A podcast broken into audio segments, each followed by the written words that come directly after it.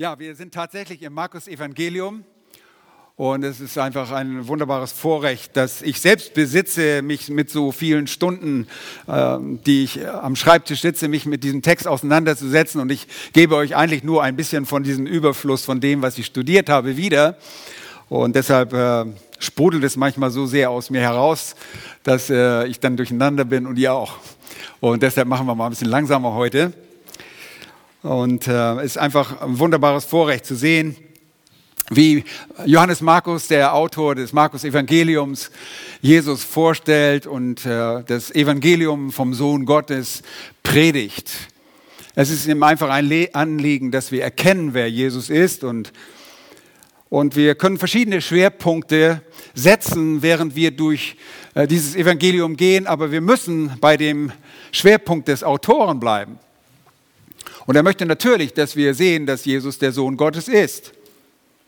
Dennoch ist eins der Schwerpunkte auch in diesem Brief, dass, dass wir erkennen als solche, die die Schrift lesen und die wir diese Predigten oder diese Auslegungspredigten bringen, dass wir erkennen, dass Jesus ein Diener war. Das ist ein zentrales Thema bei Markus. Und das entgeht uns auch nicht, wenn wir das Evangelium durchlesen, dass Jesus ständig dient.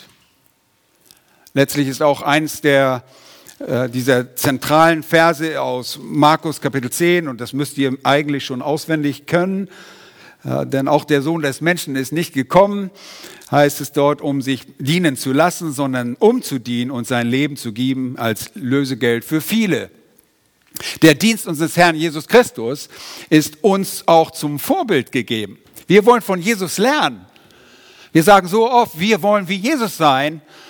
Und äh, deshalb nehmen wir auch unseren Herrn Jesus Christus uns zum Vorbild und orientieren unseren eigenen Dienst an dem, wie Jesus gedient hat.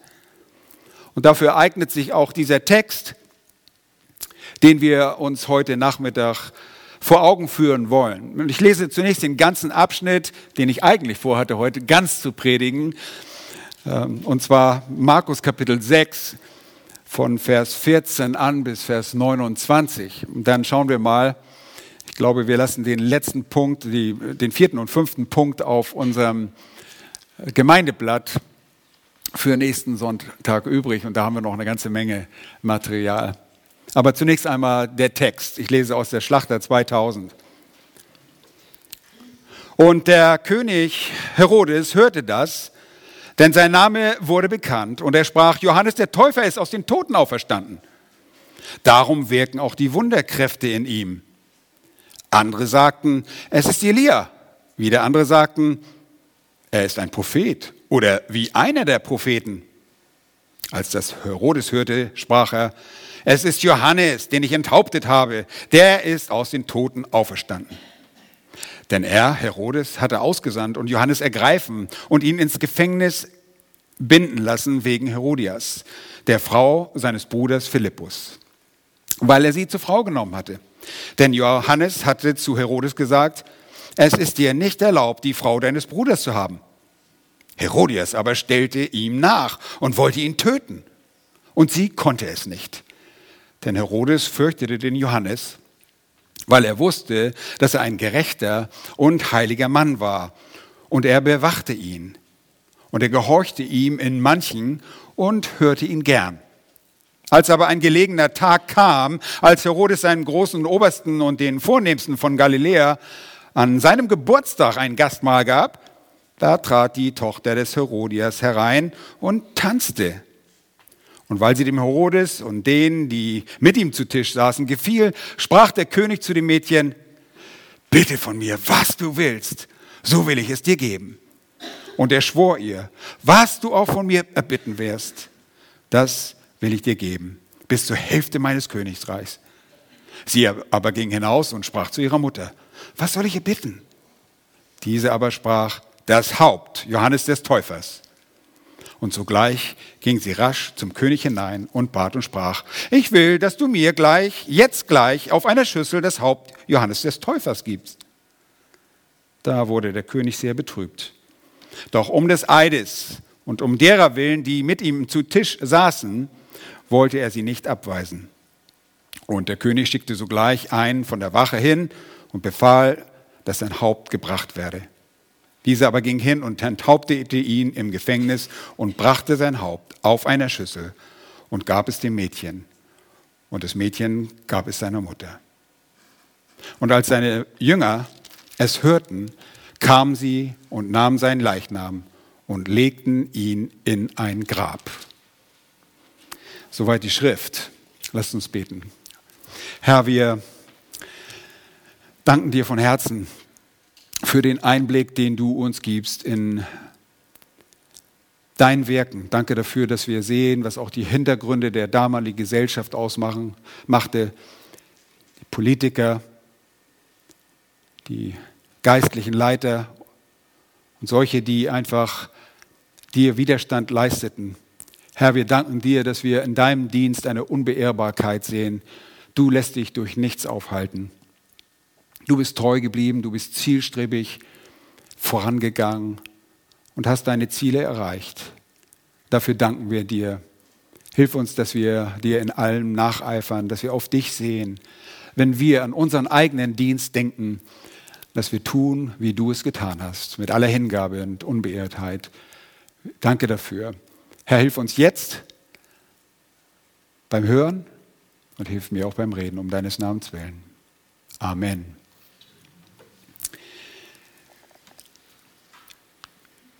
Wir sehen Jesus in der Schrift und ganz besonders im Markus Evangelium, wie ich das sagte, als den Diener, der sich durch wirklich nichts abschrecken lässt. Und in Kapitel 6 ist er im Begriff, sich Diener für die Arbeit der Ernte vorzubereiten. Wir haben uns damit auseinandergesetzt. Er beruft sich seine Jünger, seine zwölf aus dieser großen Gruppe von Jüngern und möchte sie vorbereiten.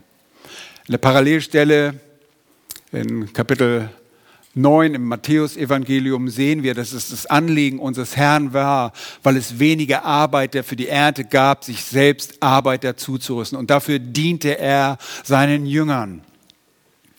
Und er rüstete sie zu, er bereitete sie vor. Nun, Markus hat genauestens recherchiert und er bringt geschickt unter der Leitung des Heiligen Geistes die Tatsachen zum Ausdruck, dass selbst die größten Schreckensnachrichten Jesus nicht von dieser wichtigen Aufgabe der Zurüstung seiner Jünger abbringen kann und dass ihn nichts abbringen konnte. Jesus selbst war gekommen, und er diente unbeirrt auf eine einzigartige Art und Weise. Und wie wir schon gelesen haben, er ließ sich nicht bedienen, sondern er kam, um zu dienen und sein Leben zu geben. Es war sein Lebensdienst. Sein Dienst wurde angekündigt, wie wir sehen, durch den unbeirrbaren Diener Johannes, den Vorboten des Herrn, von dem wir auch dann am nächsten Sonntag weiter hören werden wie er das verkörpert, was Jesus selbst getan hat. Jesu Dienst wurde vom Geist und dem Vater bestätigt. Das sehen wir gleich in Kapitel 1 und dort in äh, Vers 10 und 11. Vom Geist Gottes und vom Vater. Und sein Dienst konnte auch der ärgste Feind, das ist Satan, durch die Versuchung kein Ende bereiten. Das ist Vers 13, Kapitel 1. Sein Dienst, der Dienst des Herrn Jesus, war primär ein Verkündigungsdienst. Er kam, um zu lehren und zu predigen. Kapitel 1, 14 und 15. Sein Dienst war auch ein Dienst an Kranken, an Aussätzigen und Besessenen. Und zusammen mit dem Dienst der Totenauferweckung galt dieser Aspekt des Dienstes als bestätigendes Zeichen seiner Gottheit. Er kam nicht primär, um Krankenhäuser leer zu heilen, sondern das war eine Bestätigung seiner Botschaft und seiner Person. So wurde er bereits im Alten Testament angekündigt. Sein Dienst ist eine Demütiger in der Unterordnung gegenüber dem Vater, so sagt es Markus in Kapitel 14 und Vers 36. Sein Dienst zeigt auch wahre Größe. Denn auch in Kapitel 10 und Vers 43 sagt er, wer euch unter euch groß sein will, der sei euer aller Diener. Er zeigt wahre die, äh, Größe und sein Dienst zeigte sich einfach in der Unbeirrbarkeit und Zielstrebigkeit und mündete im Geben seines Lebens. Das war sein allergrößter Dienst und ohne diesen Dienst würden wir heute nicht hier sitzen. Die Erlösung derer, die an ihn glauben sollten. Nun das Letzte, was wir gesehen haben in Kapitel 6, ist Jesus dient seinen Jünger in der Vorbereitung für ihre letztendliche Sendung. In Kapitel 6 haben wir nur eine vorbereitende Praktikumssendung gesehen, eine Art Lernen durch Tun. Aber sie waren noch nicht bereit zu gehen. Wir sehen seine Methoden, wie er seine Unterhirten vorbereitet. Sechs davon haben wir bereits gesehen und in 14 Tagen sehen wir die übrigen sechs Methoden. Aber ich möchte euch und dich persönlich heute anhand dieses Textes aufrufen, es genau so wie Jesus zu machen. Sei unbeehrbar in deinem Dienst. Und du fragst, ich in meinem Dienst? Nun, wenn ihr auf euer Gemeindeblatt schaut, dann werdet ihr feststellen, dort ist Römer 12, Vers 11 hoffentlich abgedrückt. Ich habe das Gemeindeblatt noch nicht gesehen, aber ich vertraue mal darauf. Da heißt es im Eifer, lasst nicht nach, seid brennend im Geist, dient dem Herrn. Wir sind Diener Jesu Christi. Paulus drückt es einmal so aus im ersten Korintherbrief, Kapitel 4, Vers 1. Dafür halte uns jedermann für Christi Diener und über die Haushalte über die Geheimnisse Gottes. Wir sind Diener. Und deshalb möchte ich dich aufrufen, unbeirrt zu dienen. Und das wird sich auswirken und Gott wird es segnen. Nun, wir, ich habe versucht, kurz euch diesen Dienst Jesu zusammenfassend vor Augen zu stellen und im Laufe der Auslegung des Markus-Evangeliums werden wir das im Detail sehen. Aber wir kommen dazu und werden feststellen, dass dieser unbeehrte Dienst jetzt vernommen wird von der Welt. Schaut einmal in Vers 14. Der unbeehrte Dienst wird vernommen von der Welt. Und der König Herodes hörte das. Denn sein Name, das ist Jesu Name, wurde bekannt. Nun, hier möchte ich Herodes und seine Diener und alle, die gleich noch zu Wort kommen in Versen 14, 15 und 16, als die Welt bezeichnen. Das sind die Gottlosen. Dieser Dienst wird jetzt von ihnen vernommen. Und hier steht nicht Johannes der Täufer im Mittelpunkt, sondern hier steht der Herr Jesus Christus im Mittelpunkt. Jetzt auf einmal hört Herodes von Jesus. Und das war so, dass Jesus primär wo gedient hat? In Galiläa. Das tat er dort, und was wir im Johannesevangelium gelesen haben, die Auswirkungen seines Dienstes, nämlich sein Bekanntheitsgrad, seine Popularität, werden jetzt nicht nur dem einfachen Volk und den religiösen Leitern des Landes bekannt, sondern auch von dem politischen Herrscher des Landes wahrgenommen, nämlich von Herodes. Diese Wahrnehmung von Jesus die er dort erlebt, die ist beispielhaft für solche, die einen unbeehrten Dienst haben. Ihr Lieben, wenn du und ich in unserem Dienst treu sind, dann wird die Welt das vernehmen. Sie wird es merken. Nun, ihr müsst euch gleich Frau Merkel vorstellen, dass ihr bei Frau Merkel vor der Tür seid und sie wird alles wissen, was ihr gesagt habt oder ihr werdet auch nicht zu Trump eingeladen aber vielleicht Bezirksbürgermeister oder irgendeine wichtige Person aus der Politik, die mitbekommt, was hier läuft. Ansonsten sind wir ja nur irgendwo Christen, die irgendwo unbedeutend sind, ein kleiner Haufen von irgendwelchen religiösen Spinnern in deren Augen. Aber wenn wir treu unseren Dienst tun werden, dann wird dieser Dienst auch von der Welt vernommen. Ich hoffe, dass es zumindest so ist, auch an eurem Arbeitsplatz dass ihr von Jesus redet, denn wir sind berufen zum Dienst. Christen sind Diener. Und du sollst unbeirrt sein. Egal was die Umstände sind, wie du auch lebst und wo du lebst. Stellt euch vor, dass Jesus aufgehört hätte, als der erste Widerstand kam. Keiner von uns würde hier sein, oder? Alles spekulativ, alles hypothetisch. Er tat es nicht, denn er, der Sohn Gottes, hatte einen Plan. Und die Erlösung derjenigen, die an ihn glauben sollten, war sein Ziel und das erreichte er auch.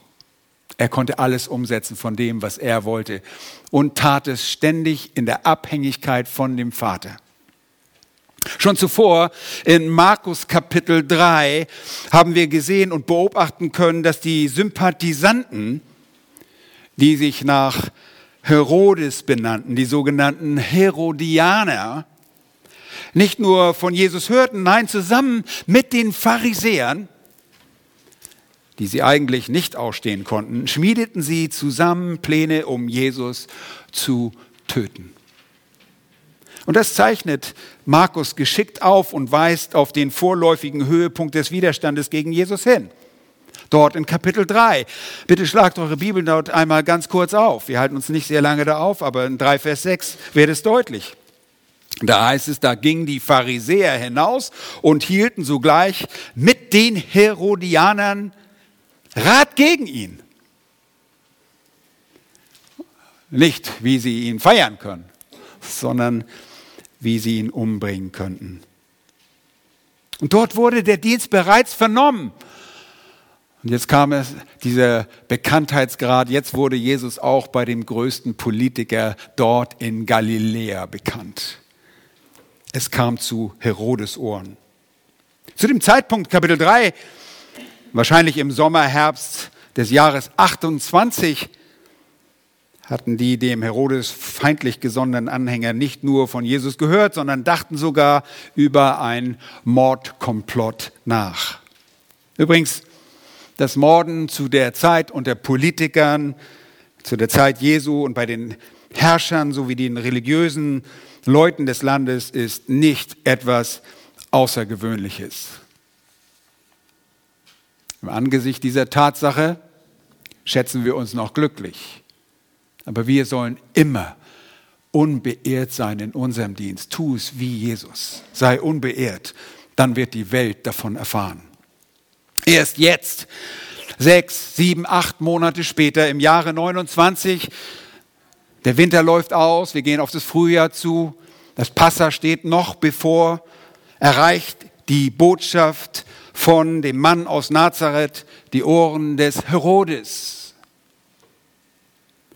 Nun steht in unserem Text allerdings nur einfach Herodes dort.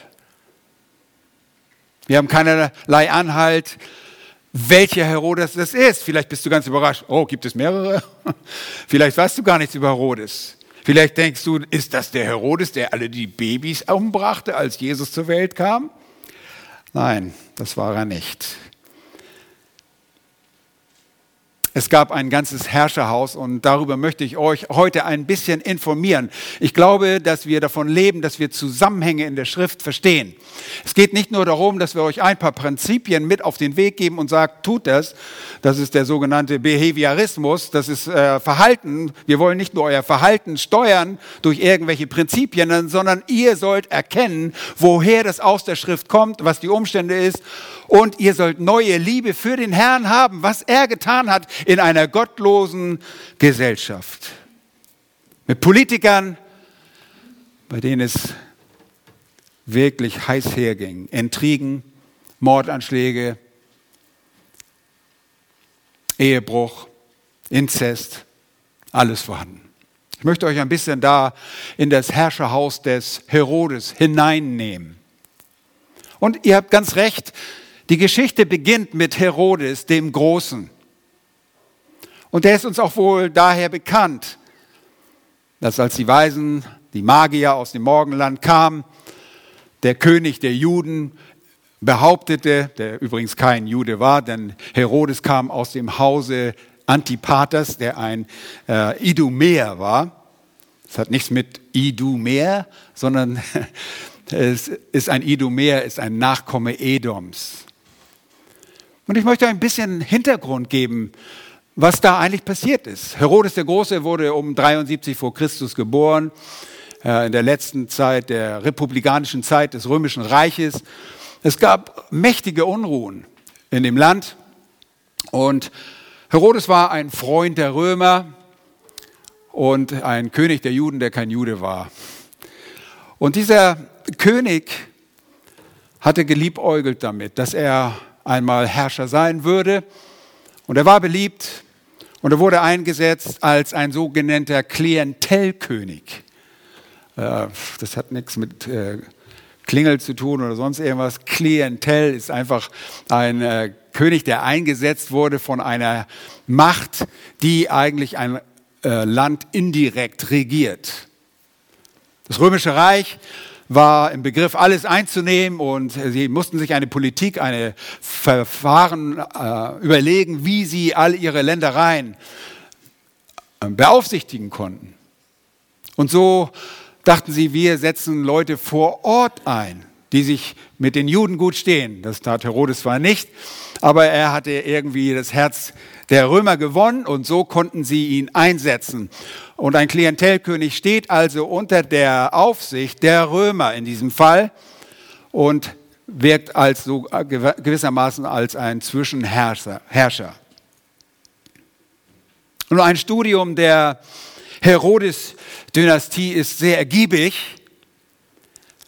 Dieses Herrscherhaus, das nennt man so, alles was zu diesem Herrscherhaus gehört, ist eine Dynastie. Und ist von jedem, für jeden Bibelleser wirklich von allergrößter Bedeutung, denn wir kommen immer wieder in Verbindung mit diesem Namen Herodes. Aber wir können nicht einfach einen Rundumschlag sagen und sagen, das ist Herodes der Große. Hier in unserem Text haben wir nicht mit Herodes dem Großen zu tun, sondern mit einem seiner Söhne. Nicht nur einen seiner Söhne, gleich zwei seiner Söhne.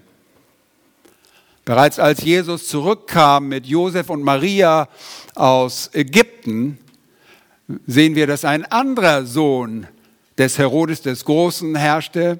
Und das war der Grund, warum Jesus mit seinen Eltern nicht nach Bethlehem zurückging, sondern wohin ansiedelte? In Nazareth. Ganz richtig, ihr habt zugehört. Nazareth wurde seine Heimatstadt, weil Archelaus zu der Zeit ein nicht so beliebter König in Judäa, in Samaria äh, und in Galiläa herrschte, machten sie ein bisschen einen Umweg. Das beinhaltete zwar Galiläa und Nazareth ist in Galiläa, aber dort verlief sich keiner hin. Die Residenz dieses Archelaus war damals Jerusalem und bei Jerusalem. Und so machten sie einen Umweg. Nein, wir müssen wissen, was ist hier eigentlich los? Wir lieben den Herrn Jesus Christus und wir wissen nicht, in welcher Zeit er gelebt hat, was die Umstände der Gesellschaft waren, welche politischen Leiter da sind. Das kann nicht sein. Und es ist eine ganze Menge geschehen in der Zeit. Und selbst wenn ich in mein Leben, ich habe nur mal so aus Spaß nachgedacht, ich denke ein bisschen zurück und habe gedacht, meine Güte, wenn jemand mal mein Leben erforschen möchte, das ist auch nicht so ganz einfach. Ich bin vor dem Mauerbau der DDR geboren, müsst ihr euch mal vorstellen. Vor dem Mauerbau. Ich habe die ganze Zeit der DDR auf der Westseite zugebracht. Ich erlebe den Fall und lebe jetzt schon länger, als dass die Mauer gestanden hat. Ist das nicht erstaunlich? Tja, zwischendurch war ich in Amerika, in Kanada und wenn jemand mein Leben erforschen will, hm, das ist ein großes Durcheinander. Dann war er, einmal war er ein Rettungssanitäter, einmal war er Klempner, einmal ist er ein Pastor was war denn nur eigentlich? Und so ähnlich sind die Umstände auch bei den äh, Königen im Haus des Herodes. wir müssen richtig tief hineingucken. Ich kann euch sagen, habe bis heute Morgen kam ich noch an eine Stelle, die mich in Verwirrung brachte. Und ich habe noch gewühlt und gesucht und gesucht, habe gedacht, was ist denn hier verkehrt? Bitte, wenn ihr die Bemerkung bei der Studienbibel liest, da wird von Philippus dem Zweiten Rede, macht da mal einen, den ersten draus. Äh, oder steht der erste und macht den zweiten draus. Das war ein Druckfehler. Wir wollen ein bisschen über Herodes erfahren und was dort eigentlich losgeht. Dann verstehen wir auch ein bisschen mehr die Hingegebenheit unseres Herrn Jesus Christus, dass er sich nicht beehren ließ durch diese Nachrichten. Das ist wichtig. Wir kommen immer wieder, dass wir Namen lesen. Philippus, Philippus der Erste, Philippus der Zweite. Wer war das? Wer ist das? Nun, Herodes der Große hatte zehn Frauen. Keine Angst, ich werde nicht alle betrachten. Er hatte einen großen Verschleiß offensichtlich, war nicht so zufrieden mit den Frauen und äh, viele Frauen, viele Kinder und viele Söhne. Die erste Frau Doris, die er schon im Jahre 47 vor Christus heiratete, die hatte gebiert ihn den ältesten Antipater. Und der stand auch in der Thronfolge an erster Stelle.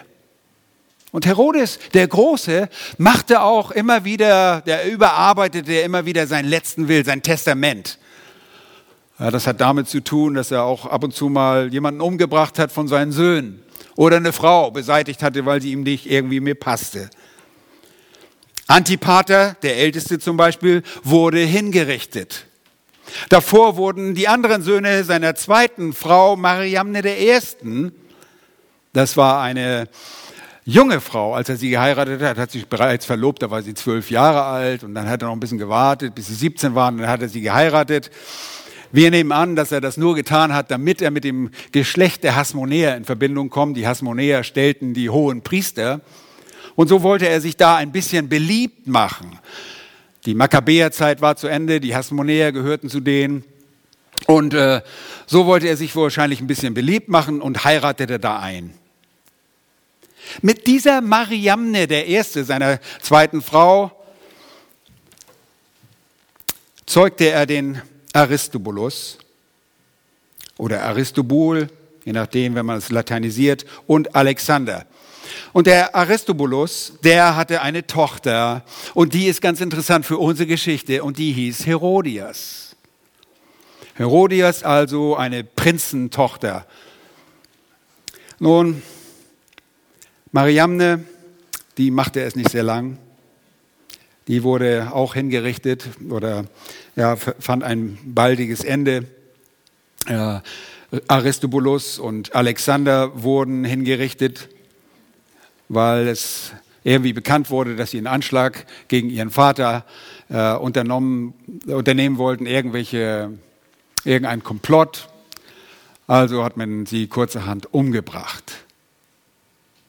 Drei Jahre später dann auch Antipater, den ältesten Sohn, und so wird der dritte Sohn, von dem wir auch in unserer Geschichte lesen, ein einziges Mal wird er erwähnt in der Bibel hier, und zwar Philippus. Der Philippus, der hier erwähnt wird, nämlich, das ist der, der eine interessante Geschichte hatte. Ich muss sie euch im Einzelnen sagen. Eines Tages sieht Herodes eine zweite Mariamne, eine wunderschöne Tochter des Simon. Ähm, dieser Simon war ein Diaspora-Jude aus Alexandrien und er kam nach Jerusalem und muss wohl seine Tochter mitgebracht haben oder die Tochter war da und es soll die schönste Frau weltweit gewesen sein. Kann man sich vorstellen, so ein Herrscher will so eine schöne Frau haben. Und er heiratete sie kurzum das war nicht so ganz einfach, denn sie war keine bedeutende Frau und der Mann, der Simon äh, mit äh, Nebennamen Boethos aus Alexandria, war einfach nur einfacher Priester. Und so ein Herodes konnte nicht einfach so, ein, so eine einfache Priestertochter heiraten, also machte er den Priester Simon in Jerusalem zum Hohenpriester. Gelöst. Hey. Na, eine Tochter von einer von Hohenpriester zu heiraten, das kann man schon machen. Tja, diese Mariamne gebiert in Herodes Philipp den Ersten. Und das ist der Philipp, der hier an dieser Stelle erwähnt wird in der Geschichte mit Johannes. Denn Johannes kritisiert Herodes, wir wissen immer noch nicht, welcher Herodes das ist, kommen wir gleich noch hin, kritisiert diesen Herodes, dass dieser Herodes die Frau von diesem Philipp, dem Ersten, einfach genommen hat.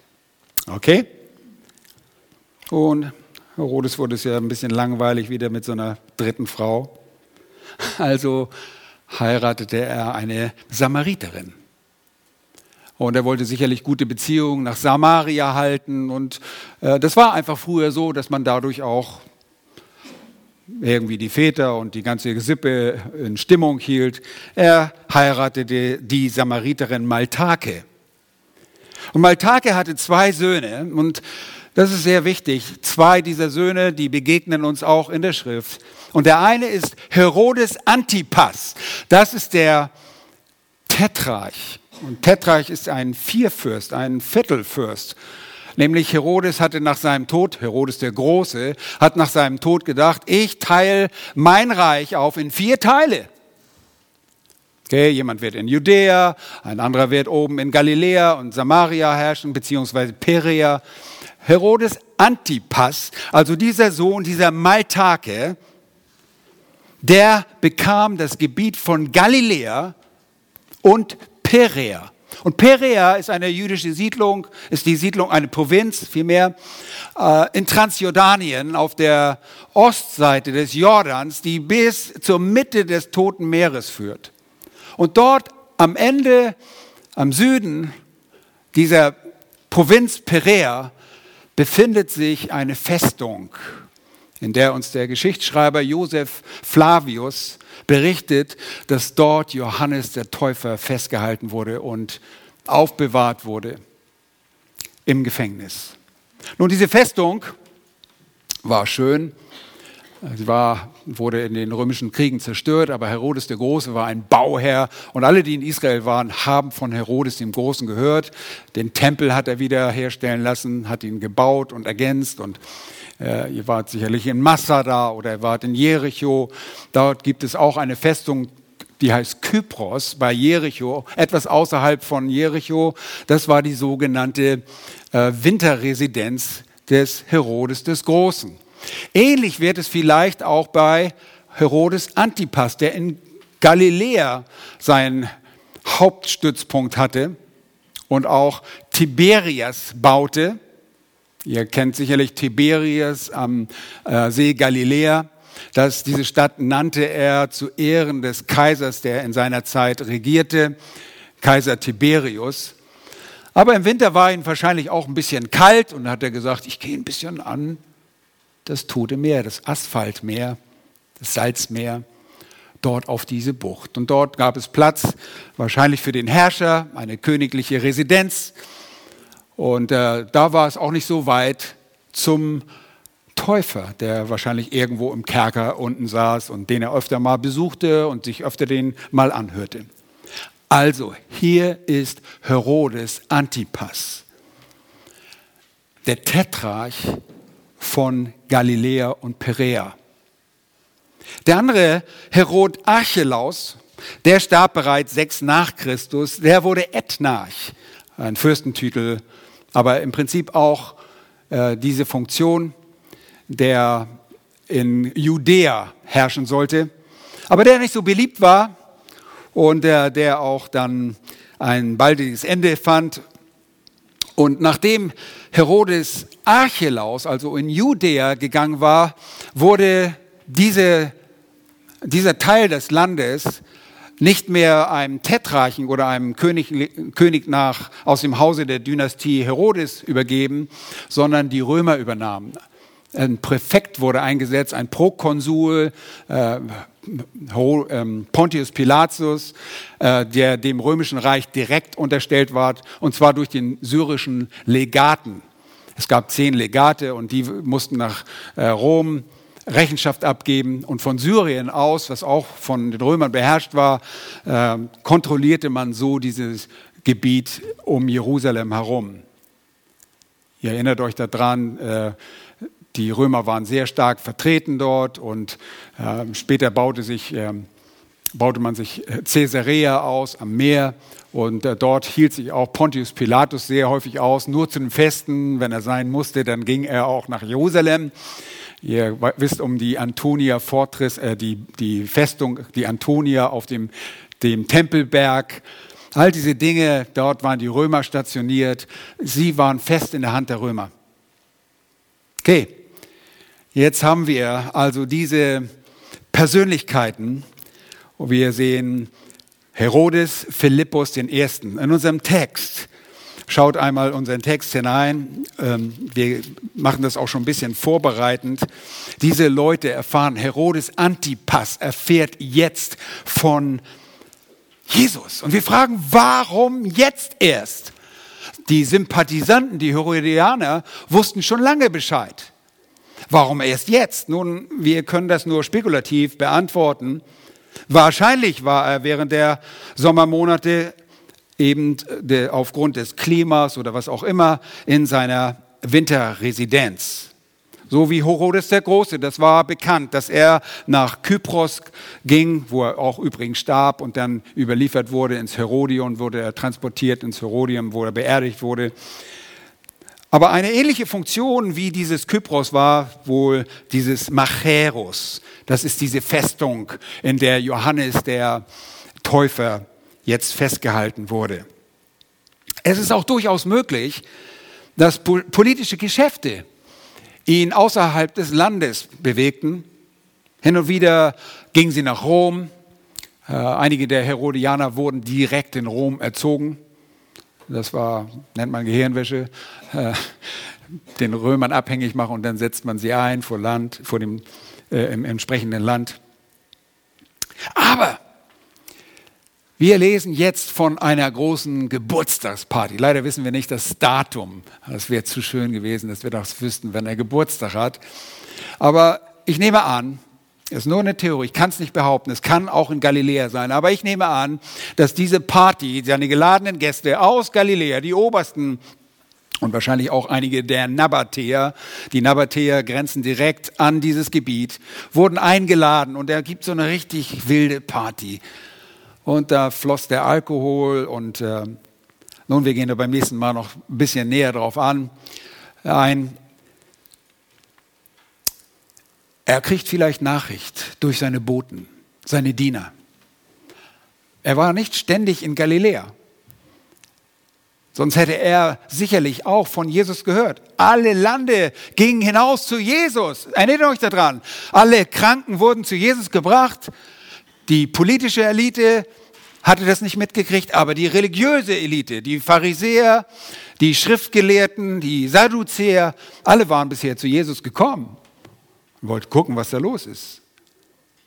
Nur Herodes scheint irgendwie diese Dinge noch nicht so richtig mitbekommen zu haben. Jetzt ist es soweit. Und wir sehen, dass dieser Herodes durch das, was er hört, zunächst einmal sehr verwirrt ist.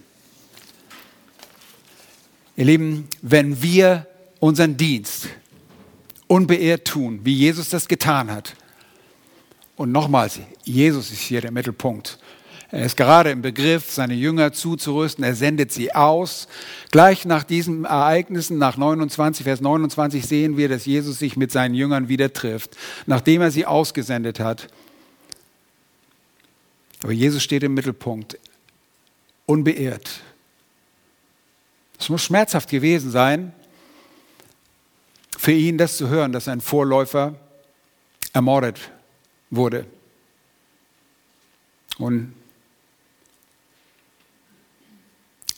dieser Dienst sorgt nicht nur, dass er bekannt wird, sondern dieser Dienst sorgt auch dafür, dass die Gottlosen verwirrt sind. Das ist der dritte Punkt, Verse 14 bis 16. Und ich wusste schon genau, warum ich zwei Predigten daraus mache, aber das werde ich euch noch kurz mitgeben. Dieser unbeehrte Dienst verwirrt die Gottlosen.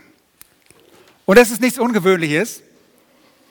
Wir sehen sofort die Reaktion von König Herodes, wo wir jetzt wissen, dass es der Antipas ist, dass sein Bruder Philipp die Frau weggenommen hat, die Herodias.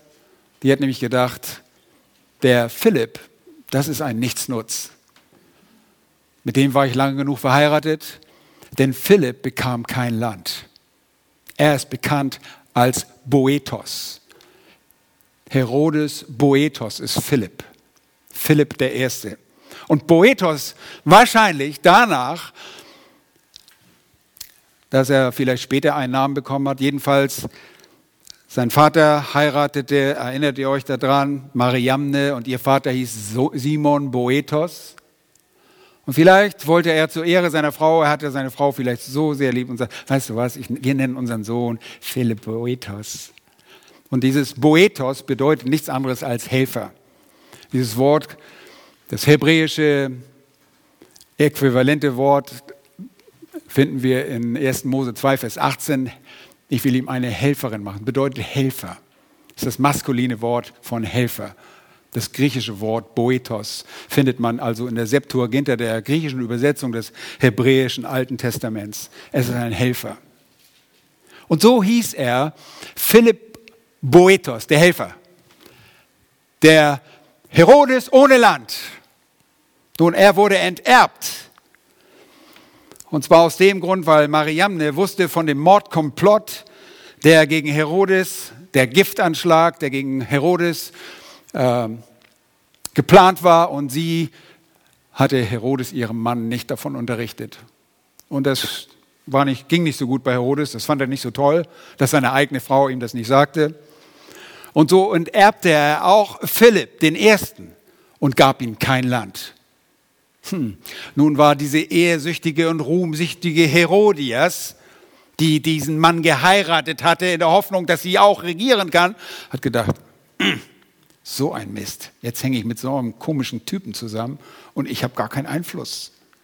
Nun, Herodes Philippus I., Boethos, der verkehrte immer noch in herodianischen Kreisen. Und so besuchte er auch seinen Halbbruder Antipas. Und auch bei einem dieser Besuche hat sich wohl Antipas in Herodias verliebt. Er hat gedacht, hm, nicht schlecht. Und die wird mir auch zugeneigt sein. Ich bin ein Tetrarch und er ist ein Nichtsnutz. Kurzerhand, er heiratet sie, bringt die Tochter mit, die sie mit Aristobulus hatte, zuvor gezeugt hatte.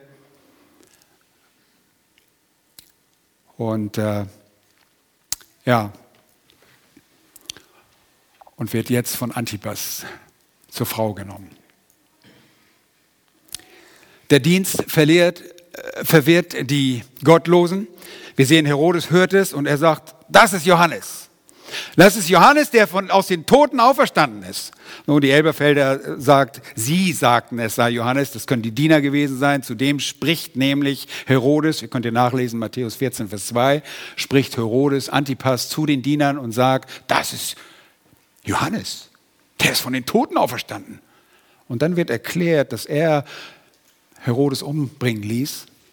Und jetzt ist er wahrscheinlich von seinem schlechten Gewissen überführt, bringt er die ganze Theologie durcheinander.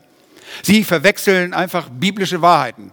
Alle, die hier beteiligt sind und sagen, das ist Johannes der Täufer. Er ist aus den Toten auferstanden und darum wirken solche Kräfte in ihm. Nun, wir haben schon ein bisschen gehört, dass Johannes der Täufer immer wieder mit Herodes Antipas im Gespräch war. Dieser wankelmütige Herodes, der ihn eigentlich ganz gerne mal hörte, aber dann noch doch sein eigenes Leben führen wollte, der war nicht so entschlossen, dass er sagt, oh, das ist wirklich ein Mann Gottes, der ist gerecht und heilig, ich werde mich dem Willen Gottes unterordnen. Nee, nee, so war das leider nicht. Sonst hätte er ihn niemals umgebracht. Nun, Herodes sagt, das ist Johannes. Und er musste von ihm gehört haben, denn Johannes, wie unser Herr Jesus Christus, predigte was? Er predigte das Reich Gottes, dass man Buße tun sollte, denn das Reich Gottes war nahe herbeigekommen. Und um im Reich Gottes leben zu können, so musste Herodes wohl von Johannes gehört haben, musste es Auferstehung geben. Und das ist auch biblisch. Wir lesen in Daniel Kapitel 12 und Vers 2, dass eines Tages die Toten auferstehen werden. Warum? Damit sie in diesem Reich Gottes hier auf der Erde zunächst mitherrschen werden, mit Jesus, dem Messias, zusammen in Jerusalem sein würden. Das bringt ihr jetzt völlig durcheinander. Oh, der ist schon auferstanden. Oh. Vers 15, andere sagten, es ist Elia. Nun, von Elia wusste jeder, der ist nicht gestorben. Der ist so ähnlich wie äh, der siebte nach Herodes. Wer hieß der noch? Der siebte nach Herodes? Wer ist, wer ist entrückt worden? Wo sind die Leute, die alle nicht an die Entrückung glauben? Hä? Ja, was habe ich gesagt? Nach, nach Herodes. Ja, ich habe zu viel Herodes gelesen. Nach Adam. Der siebte nach ist wer?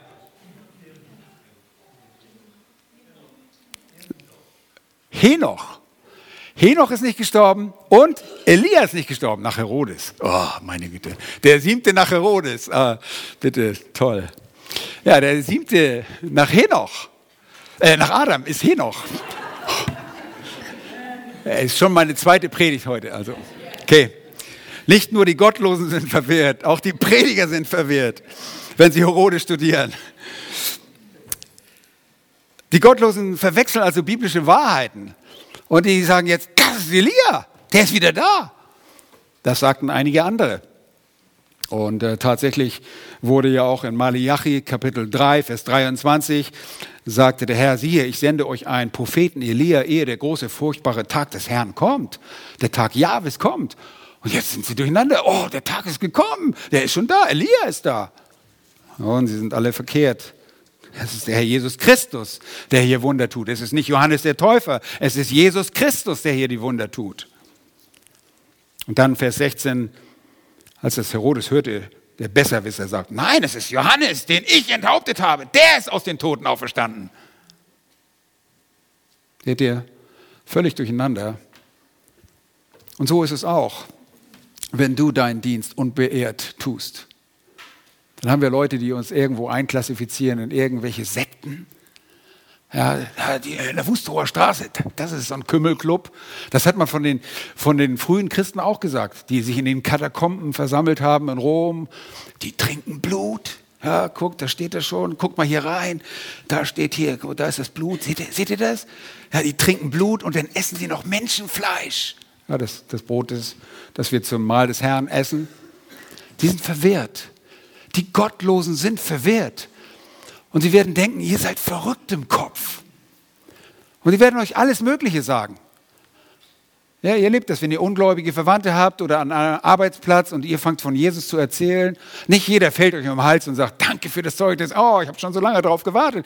Die, die halten, ihr, ihr seid verrückt im Kopf. Ihr seid blöd. Und die sind verwirrend. Und wenn sie was Religiöses gehört haben, dann stufen sie dich an. Das sind Zeugen Jehovas oder irgendeine Sekte, ja. Leute, lasst euch nicht beirren.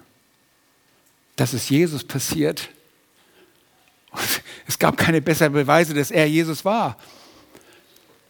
Wir sind ihm ähnlich. Halt daran fest.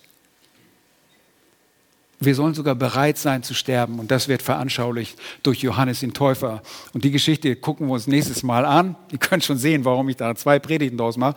Der Text ist noch lange nicht fertig. Aber er verdeutlicht das. Durch das Leben des Johannes wird dieser unbeirrte Dienst, der hat sein Leben gegeben. Der kritisiert auf einmal den, den Antipas und sagt, hey, du kannst nicht die Frau nehmen. Das ist erstmal Ehebruch, dann ist es noch Inzest. Du kannst nicht die, die Frau deines Bruders nehmen. Das, das geht gar nicht. Das Gesetz sagt, das ist verkehrt. Und damit beschaffen wir uns nächstes Mal.